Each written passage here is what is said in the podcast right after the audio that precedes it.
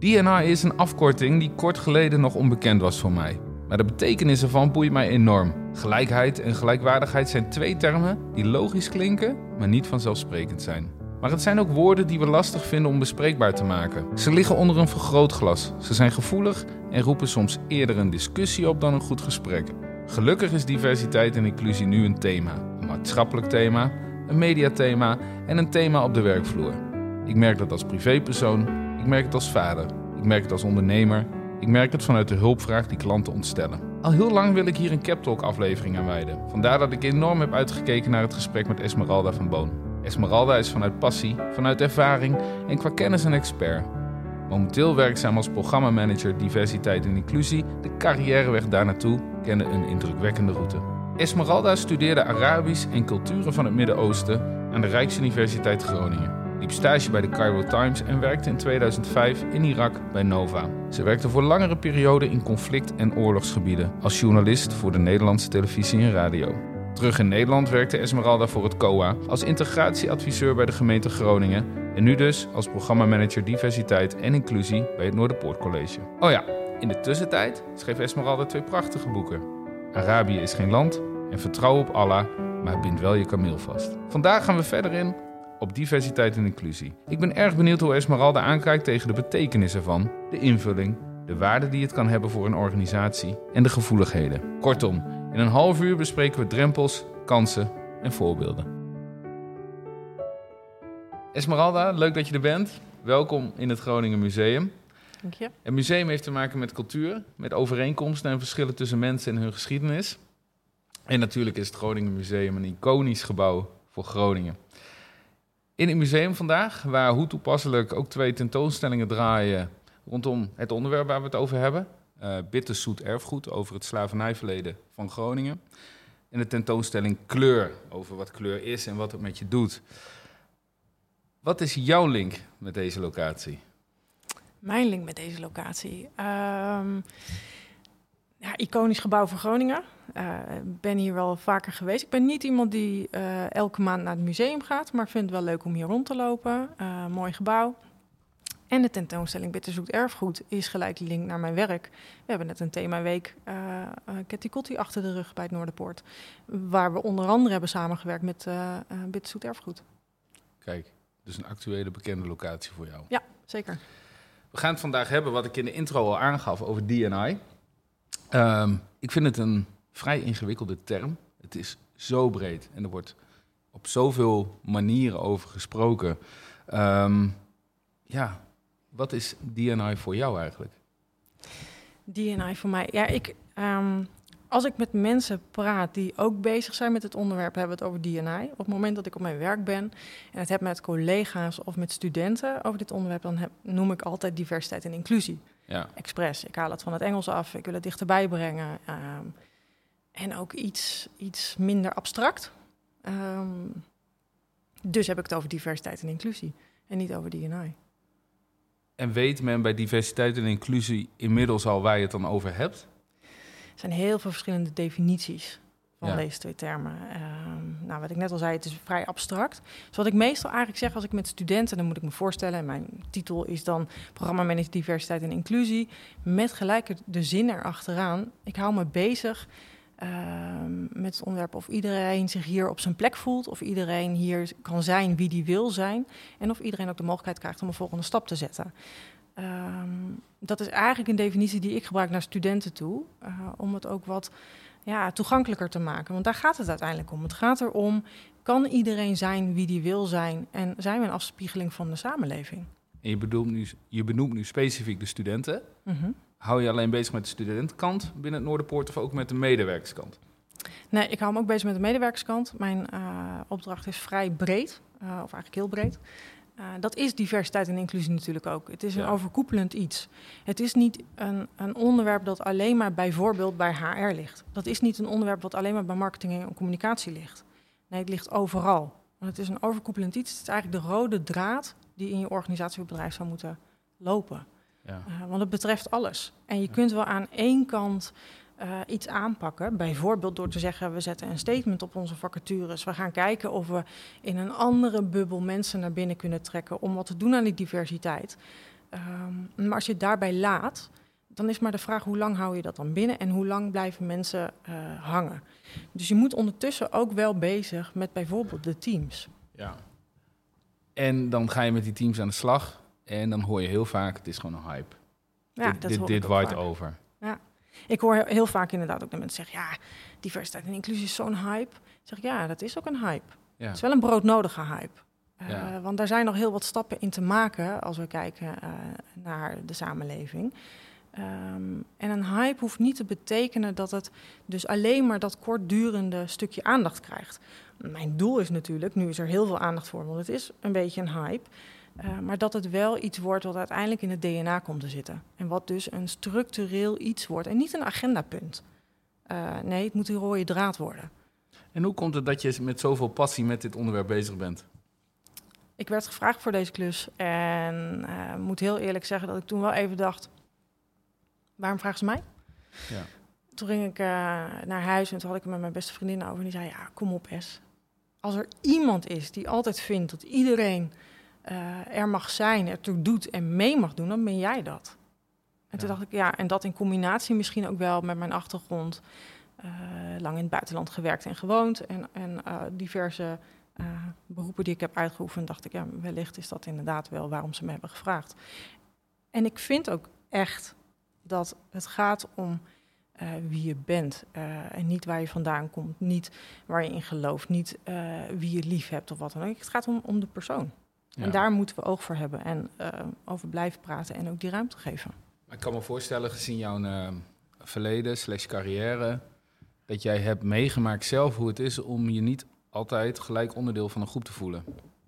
Ja, en hoe hard je ook je best doet. Hoe hard je ook je best doet. En ja. de meerderheid van de mensen die zegt diversiteit en inclusie is een hype, die heeft dat wellicht nooit meegemaakt. Ja, klopt. Dat denk ik ook. Um, ik zelf heb je dat inderdaad wel. Ik heb lang in het Midden-Oosten gewoond en hoe erg ik mij ook aanpaste aan de norm daar. Uh, bijvoorbeeld door niet in een topje rond te lopen. Ik spreek de taal, uh, Arabisch. Uh, door mij aan te passen aan, aan um, de normen en waarden die daar gelden, mm-hmm. merkte ik dat ik nog steeds niet er compleet en helemaal bij hoorde. Ik woonde daar alleen. Um, dat was al raar. Uh, en dat is soms wel irritant. En ik ja. heb ook wel een periode gehad in, waarin ik daar wat opstandig van werd. Dat ik dacht, het maakt eigenlijk niet uit hoe goed ik mij aanpas. In Je mijn, hoort in mijn beleving. bij. Ik hoor er toch niet bij. Nee. Um, dat is ook wel weer omgeslagen in dat ik dacht, nou ja, ik hoor er wel bij. Uh, Ja. Er zitten natuurlijk heel veel lagen in. Maar als je dat in die, laten we zeggen, heftigheid hebt meegemaakt, hoe kan je dan nu wel verwachten dat dat bijvoorbeeld bij een hogeschool wel gaat lukken? Zo'n uitdaging. Is dat niet gewoon een gegeven dat ehm, iedereen die, dat diversiteit en inclusie, is dat nodig? Of is het gewoon een gegeven dat als iedereen met goede bedoelingen elkaar accepteert, dat dat in de basis de norm is? Of moeten we er echt een apart groot thema van maken? Um, nou, ik denk dat het nodig is op het moment om er uh, een thema van te maken. Om uh, een persoon, nou ja, extern of intern, maar in ieder geval iemand ervoor aanstellen die, die dat als enige onderwerp heeft. Om ervoor te zorgen dat het niet dat agendapunt blijft. Ja. Agendapunten kunnen uh, geschrapt worden, kunnen vooruitgeschoven worden. Is geen tijd voor andere urgentie. Op het moment dat jij iemand binnen je organisatie of bedrijf hebt um, die dat als enige verantwoordelijkheid heeft om ervoor te zorgen dat er binnen de gehele organisatie aandacht blijft bestaan voor diversiteit en inclusie. Ja. Um, uh, wakker je op allerlei punten uh, um, dat aan bij iedereen. Er zitten natuurlijk ontzettend veel mensen die hier al lang over nadenken, Ja. maar die soms vastlopen. Want wat moet ik dan doen? Ja. Wat, wat, hoe gaan we hier dan mee om? En uiteindelijk gaat het wel om uh, hoe gaan we met elkaar om? En soms is het nodig om het daar even weer over te hebben. Ja. En ik kan me tegelijkertijd voorstellen dat de mensen die deze eerste minuten van de podcast luisteren, Mm-hmm. dat ze zeggen van het klinkt nog wel abstract. Ja, Kan je me eens meenemen in wat is nou stap 1 voor een organisatie mm-hmm. om dit op de kaart te zetten of hiermee te starten of het gesprek aan te gaan? Ik denk dat het uh, al een hele stap is om te zeggen met elkaar: oké, okay, we weten dat we het beter zouden kunnen doen op het vlak van diversiteit en inclusie. Die erkenning. Zij, of, of misschien eigenlijk, misschien los van de erkenning, je de vraag stellen: zijn wij nog een afspiegeling van de samenleving? En voelt iedereen die hier al binnen is, zich op zijn plek en gewaardeerd voor de persoon die die is. Ja. En zit daar een Dat soort eh, Denk ik. volgordelijkheid in? Wat je zegt, bepaal je eerst dat de mix goed is en dan of iedereen zich thuis voelt? Nee, ik denk dat het parallele processen zijn. Allebei Ja, tegelijk. Weet je wat het is als je, ehm, eh, voorbeeld, als je alleen maar de vacaturetekst gaat aanpassen, door die inclusiever te maken. We hebben bijvoorbeeld een statement, onder elke vacature staat een statement eh, waar het kort op neerkomt, is dat wij bij het Noorderpoort vinden dat iedereen, ongeacht waar je vandaan komt of eh, wie je bent, je religie of wat dan ook, dat je welkom bent. Ja. Ehm, als je dat als enige doet en verder in je organisatie het laat zoals het is, ehm, kan het zijn dat er misschien wel een andere groep reageert op je vacatures, Mhm. maar dan kan het ook zijn dat het daar stokt. Je moet het ook met mensen over hebben als je in een, in een sollicitatiecommissie zit. Met welke bril zit je daar? Ben je überhaupt bewust van de bril die je Ja. op hebt? We hebben allemaal onze vooroordelen. We hebben allemaal een bepaalde bril op. Dat is niet erg, zolang je er maar bewust van bent. Want dan Ja. kun je hem namelijk ook af en toe afzetten. Ja. En even anders kijken. Ehm, vervolgens, als dan iemand, als dan verschillende mensen binnenkomen die eh, anders zijn dan de homogene groep die er zit, hè, ehm, dan is het de vraag: hoe zorgen we ervoor dat iedereen zich dan ook op zijn plek voelt binnen dat team? Kunnen we het daarover hebben? Daar worden wij veel gevraagd om in de onderzoeken die wij doen onder de medewerkers, naar hun tevredenheid en beleving, worden wij ook steeds vaker gevraagd om dit onderwerp te sprake te brengen. Hè, om uit de, de groep medewerkers te halen, hoe kijken zij aan tegen diversiteit en inclusie? Wat zijn jouw meest recente ervaringen? Dus als je het bespreekbaar maakt, als je ermee aan de slag gaat, zie je dan ook een soort kentering bij de criticasters rondom dit onderwerp? Ehm, nou, wat, eh, ehm, niet, niet, niet altijd gelijk, maar wat ik wel merk is dat eh, ik schuw het moeilijke gesprek niet. Eh, dus op het moment dat iemand tegen mij zegt van ja, weet je, ik vind het zo'n hype, dus bij mij moet je niet aankloppen. Eh, dan denk ik wel, we gaan wel even koffie drinken. Die Ja. mening mag er zijn, hè? Ik bedoel, dat is helemaal prima dat je dat denkt. Eh, ik ben ook niet eh, daar aan het werk gegaan om te zorgen dat iedereen hetzelfde erover denkt. Want daar gaat het immers om. Dat je dus niet allemaal hetzelfde hoeft te denken. Mhm. Maar dat je wel respect hebt en begrip hebt voor andermans mening ook. ja. En dat die er dus mag zijn. Ja. En hebben studenten en medewerkers voor zichzelf een beeld, of jij, wanneer ben je divers en inclusief genoeg als organisatie? Is daar een norm voor? Ehm, ik denk het niet, want de samenleving verandert natuurlijk continu. Ja, Ehm, en dit onderwerp hangt samen met hoe de samenleving ook in elkaar zit. Dus ik denk dat het eigenlijk een proces is wat altijd wel gaande is. Maar op een gegeven moment ben je met elkaar gewend om er op die manier naar te kijken. En Ja. kun je dus je aanpassingen doen. Ehm, ja, het is meer de aandacht en de invulling die je eraan geeft, Ja. even los van de concrete output en cijfers die dan ontstaan. Ehm, uiteindelijk wil je output en cijfers. Uiteindelijk wil je natuurlijk dat eh, er mensen zeggen die zeggen: Goh, weet je, eerder voelde ik mij heel alleen. Eh, en nu voel ik dat eh, ik nog steeds misschien niet in de meerderheid ben, maar wel meer, nou ja, zelfde denkers om me heen heb verzameld. Ja, ja, ja. Maar mag ik nog één aanvulling geven? Ja, misschien? zeker. Wij hebben op een gegeven moment hebben wij gezegd, we zijn eigenlijk wel benieuwd eh, naar de verschillende, men- verschillende meningen die er leven onder een groep medewerkers of studenten. Ja, Eh, we hebben een platform voor gevonden die ehm daarmee mee doen en verschillende stellingen hebben. Mensen geven dan antwoord op een stelling en dan word je gekoppeld aan iemand die een tegenovergestelde mening heeft of eigenlijk eh, wel wat verder van jouw mening afstaat. En dan ga je anoniem met elkaar chatten. Dat hebben we gedaan bij medewerkers en hebben we gedaan bij studenten. gaaf. Ehm, daar kwam data uit. Ehm, en daarin kwamen bepaalde scores naar voren. En voor mij waren dat aanknopingspunten om te zeggen: hé, hey, maar wacht even. Dit zijn punten waar we dus blijkbaar even iets harder op moeten gaan lopen en even iets meer mee moeten gaan doen. Ja. Ehm, en dat is heel fijn om op die manier, want soms heb, heb je het alleen maar over onderbuikgevoel. Of heb je het alleen maar over, ja, maar ik voel dit. Ja, soms is het goed om even te kijken en in onderzoek dat dus ook eh, met elkaar eh, te bekijken en daar data uit te halen en dat Ja. ook mee te nemen. Gaaf. En vanuit de gesprekken die je hebt gehad, merk je dan ook dat binnen diversiteit en inclusie ehm, een van de elementen er echt bovenuit springt? Hè, bijvoorbeeld als je kijkt naar inclusiviteit, is natuurlijk heel breed ook. Mhm, Ehm, net zoals diversiteit. mhm. Is er dan binnen een hogeschool één specifiek element wat vaak naar voren komt, waaraan gewerkt moet worden? Nou ja, ja, toch echt wel verschillende dingen. Ehm, bijvoorbeeld uh, uh, discriminatie. We Mhm. hebben ook een groep eh, studenten wel die daar last van hebben. Het is goed om het daar ook met elkaar over te hebben en ook ehm, te kijken met elkaar hoe kun je dat tegengaan. Los van de gesprekken misschien met de externe partijen waar studenten stage gaan lopen, moet je misschien ook intern gaan kijken. Wie is dan degene die de stageplekken regelt? Hebben we dat ingeregeld dat het een afspiegeling is van de eh, studentengroep die er zit? Want we weten denk ik allemaal wel dat op het moment dat je uh, daar in een goede afspiegeling bent, uh, betreed je ook een andere bubbel. Ja. En ga je dus ook een ander netwerkje in. Ja. Um, dat is wel een van de dingen, denk ik. En zijn er echt dingen die er bovenuit springen?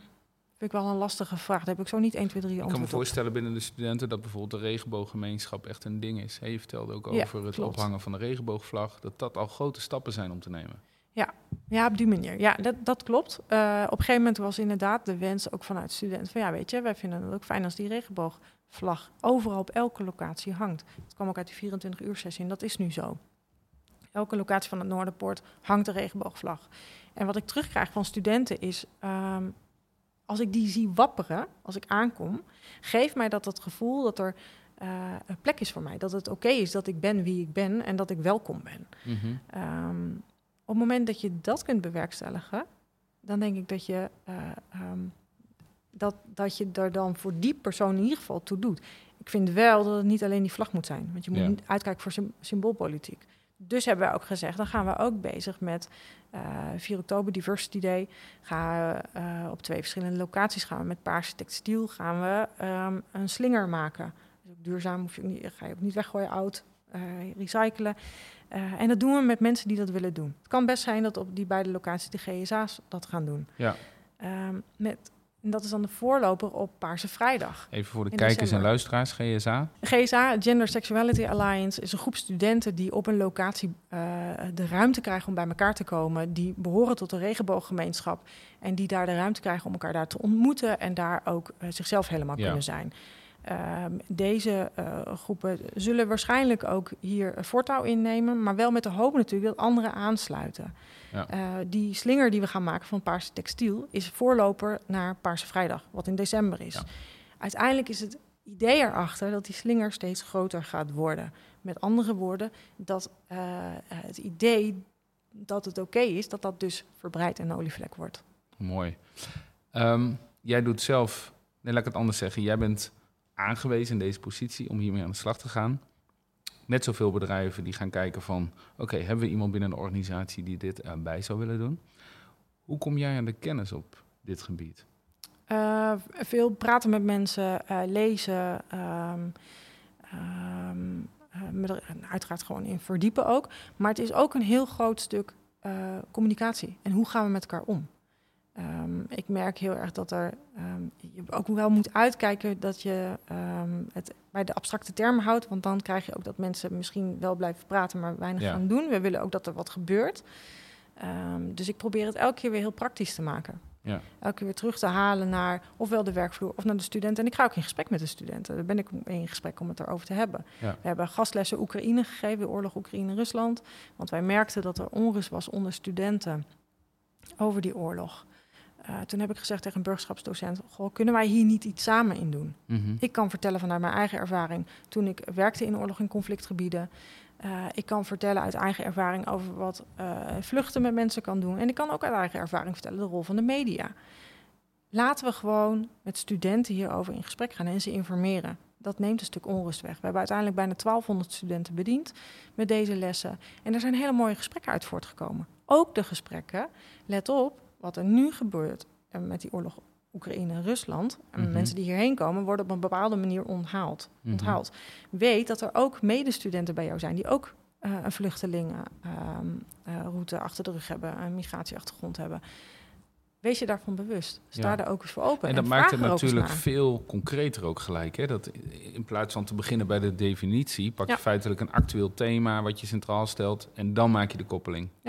En dat hebben we ook gedaan met Katie Kotti. Ja. Dat we zeiden, uh, hè, uh, viering van afschaffing van slavernij, konden we mooi aanhaken bij wat er dit jaar in Groningen mooi is gebeurd met Bitzoet Erfgoed, het slavernijverleden in Groningen. En we hebben gezegd, weet je, we gaan activiteiten bedenken voor onze studenten. Mhm. Negen activiteiten, in gesprek gaan, zelf iets doen, stadswandeling langs slavernijverleden in Groningen. En er dat was heel grappig, want er waren ook mensen die zeiden: Ja, maar moeten we het daar dan over hebben? Zo lang geleden. Ja. Dat ik zei: Ja, ik denk het wel. Ik denk dat het goed is om het daarover te hebben. Uh, en wel de koppeling te maken met wat. Ja, en wat doet dat dan nu nog in je dagelijks leven? Wat kom je dan nu Ja. ook nog tegen in de samenleving? Waar we het over moeten hebben. Dus er is gesprek geweest met politie. Er is gesprek geweest eh, bij, eh, bij FC Groningen Mhm. over racisme in, eh, in het voetbal. Ehm, en er waren heel veel studenten die wellicht niet heel veel wisten van het slavernijverleden. Al Mhm. helemaal niet van de, de, de rol van Groningen daarin. Maar wel in hun dagelijks leven te maken krijgen met een stukje discriminatie. Ja. En dan daar gesprekken over en die koppeling maken, denk ik dat dat heel goed is. Esmeralda, toch nog even doorgaand over eh, slavernij en het verleden daarvan. Aan de ene kant vind ik dat een apart onderwerp. Aan de andere kant maakt het onderdeel uit van diversiteit en inclusie. Jij bent er ook heel druk mee bezig geweest. Hoe kijk jij daar tegenaan? Ja, we zijn er inderdaad heel druk mee bezig geweest. We hebben eh, inderdaad gezegd, goh, weet je, ehm, eh, een deel van onze studenten en ook medewerkers hebben in dagelijks leven nog te maken met eh, discriminatie of achterstelling of Mhm. uitsluiting. En soms gaat dat op afkomst en soms op andere onderwerpen.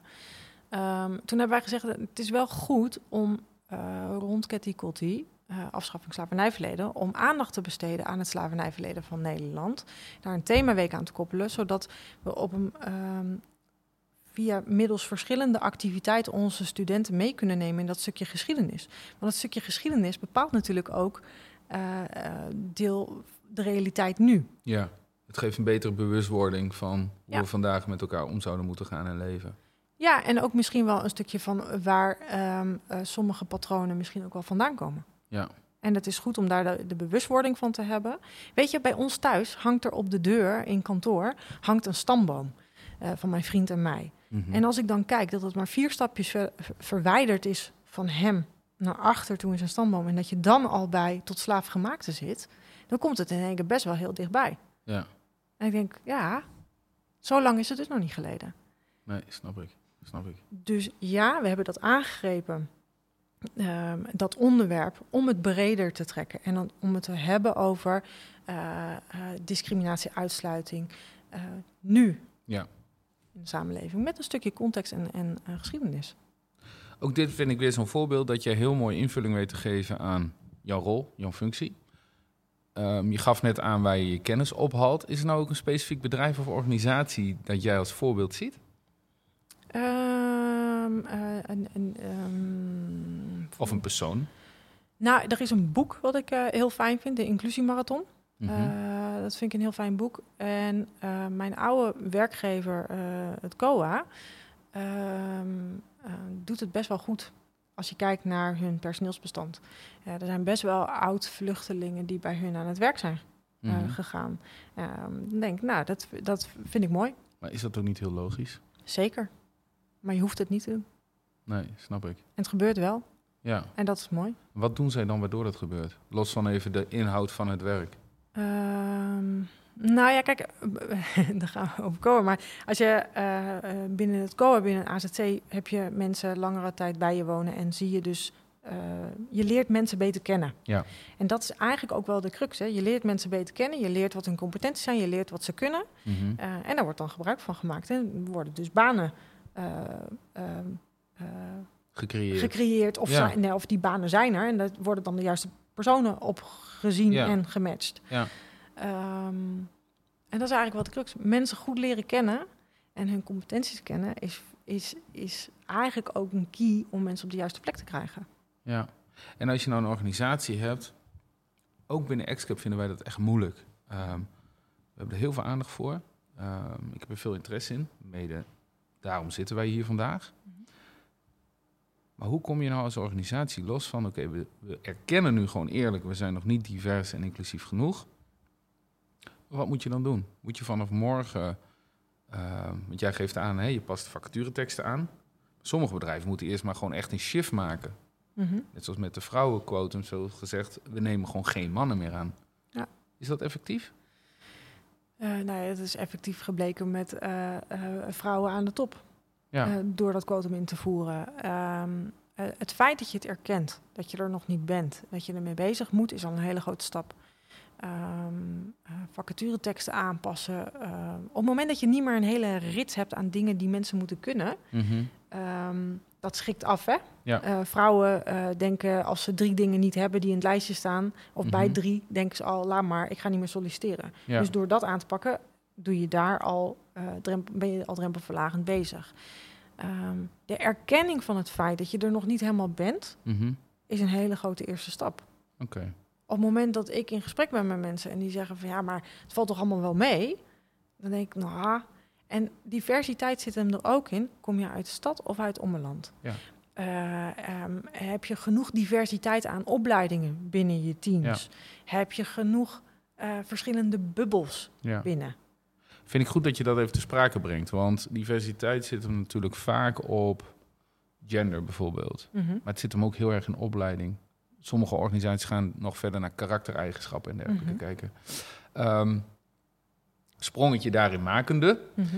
Er zijn ook vaak organisaties aan de commerciële kant... die zijn heel gevoelig voor...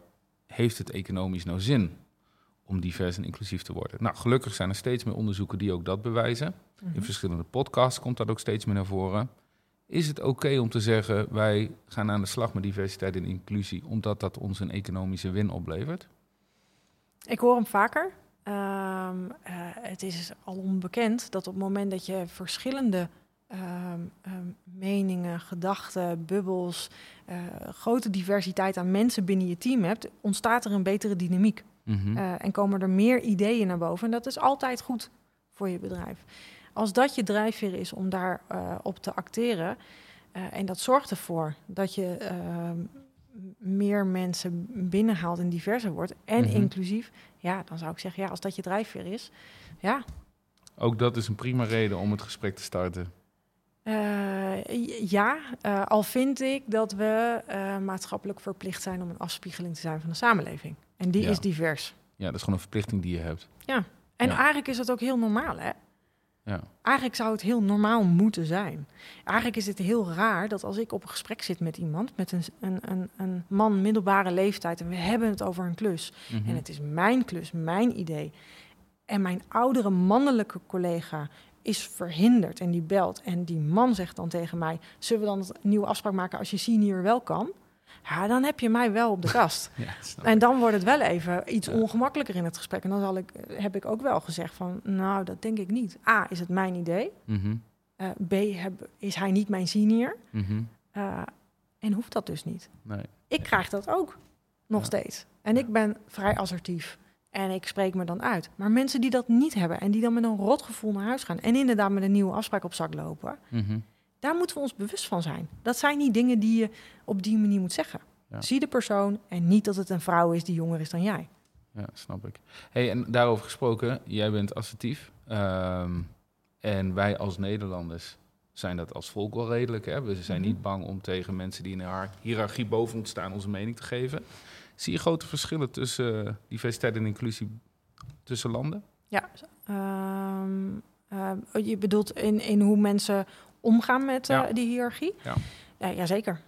Bij het COA had ik op een gegeven moment een Syriër aangenomen en die, die vond het heel lastig om mij iets te vragen of samen met mij in dezelfde ruimte te zijn en gewoon koffie te drinken. En op een gegeven moment ben ik dat gesprek met hem aangegaan. Ik zei, Mhm. ik snap waar je vandaan komt. Ik, Mhm. ik weet hoe dat werkt. Maar dat is hier anders. En het is handig als je dat wel leert. Ja. Want Ik begrijp wat er gebeurt. Ja. Maar ga je bij een ander bedrijf werken en die snappen dan niet, dan denken ze dat je eh, niet geïnteresseerd bent. nee. En dat is helemaal niet wat er aan de hand is. Je vindt het gewoon spannend om met mij te praten, omdat ik je baas ben. Ja, dus ook daarin Ja. zie je dat het gesprek faciliteert eh, de oplossing, zo gezegd. Het is helemaal niet vanuit onwil of hè, eh, frustratie of wat het ook is. We snappen elkaar gewoon nog niet goed genoeg Nee. op dat moment. En dan is het goed om ehm, eh, dat gesprek te durven voeren. Ja, om ook gewoon af en toe eens een keer tegen iemand te durven zeggen: "Goh, Je zegt dit nou, hè? Voel ik me eigenlijk heel ongemakkelijk bij. ja En dat dan de ander niet gelijk op zijn teentjes getrapt is, maar durft te zeggen: Oh, waarom dan?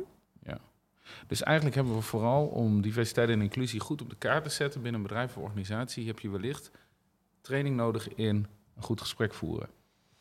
Want ik Eh, hoor ja. heel vaak het woord gesprek naar voren komen. En Ja. volgens mij is dat de basis om hiermee aan de slag te gaan. Zolang jij niet iemand durft te vertellen van wat je nu zegt, vind ik vervelend. Ja. Of ik zal je uitleggen waarom ik dit zeg.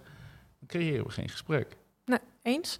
En eh, dat samen met dat het en iets moet zijn van top-down en van onder naar boven. Ja. Het moet echt beide kanten op, maar het moet wel eh, gedragen worden door directie en management dat ermee bezig wordt gegaan. En dat het dus niet een agendapunt is. Nee. Maar dan wel faciliteren van oké, maar als we dit willen bereiken, betekent dat wel dat er misschien aan bestaande machtsstructuren wordt gemorreld. En dan zijn er altijd mensen die niet blij zijn. Want die denken, ik, ho, ho, wacht even, wat doet dat met mijn positie? Mhm. En op het moment dat mensen dat voelen en ehm, eh, denken, komt er een bepaalde knorrigheid.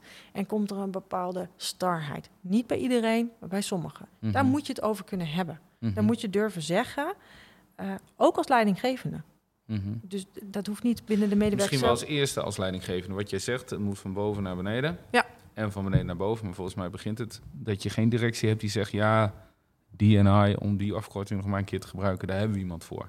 Dat werkt niet. Eh, of daar hebben we iemand voor, zodat we het vinkje kunnen zetten dat Ja, we ermee bezig zijn. Ja, En that's it. ja, Eh, want dan sla je hem kapot. ja. Dan doet het niks. Over vijf jaar nemen we nog een keer een podcast op. Zelfde onderwerp, zelfde plek. Wat is er veranderd? Wat is er veranderd? Ehm, diversiteit en inclusie is geen agendapunt meer. Eh, het is voor iedereen vanzelfsprekend dat het er is. Mhm. En dat we het erover hebben op het moment dat we hem nog niet helemaal hebben. Eh, en we zijn nog meer een afspiegeling geworden van de samenleving. En dat krijgen En wie zijn we dan? Eh, nou ja, zo. Ehm, collega's. Want studenten komt natuurlijk wel binnen. Ja. Ehm, maar matcht het nog? ja, misschien dat die studenten zich nog meer welkom voelen. Ja. Ongeacht de samenstelling die er dan is. Ja. Ja, en het is dan, ehm, hoop ik dat het dan zo ingebed is dat je niet meer daar een aparte persoon voor hoeft te hebben die het aanjaagt en op de kaart blijft zetten. Mhm. Ehm, maar dat het gewoon een, een ehm, DNA-ding is geworden. ja, Ja. Nou, dat lijkt me een heel mooi toekomstbeeld wat je schetst. Ik zei dat dat eh, tot slot was. Mhm. Maar ik zou tot slot vooral willen vragen of ik ben vergeten een vraag aan je te stellen. ben je, nee, ik geloof het niet. Superleuk met je gesproken te hebben. Dank je wel. Ehm, tot over vijf jaar zou ik willen zeggen. En heel veel succes bij Noorderpoort met de mooie uitdaging die je daar hebt. Dank je wel. Dank je.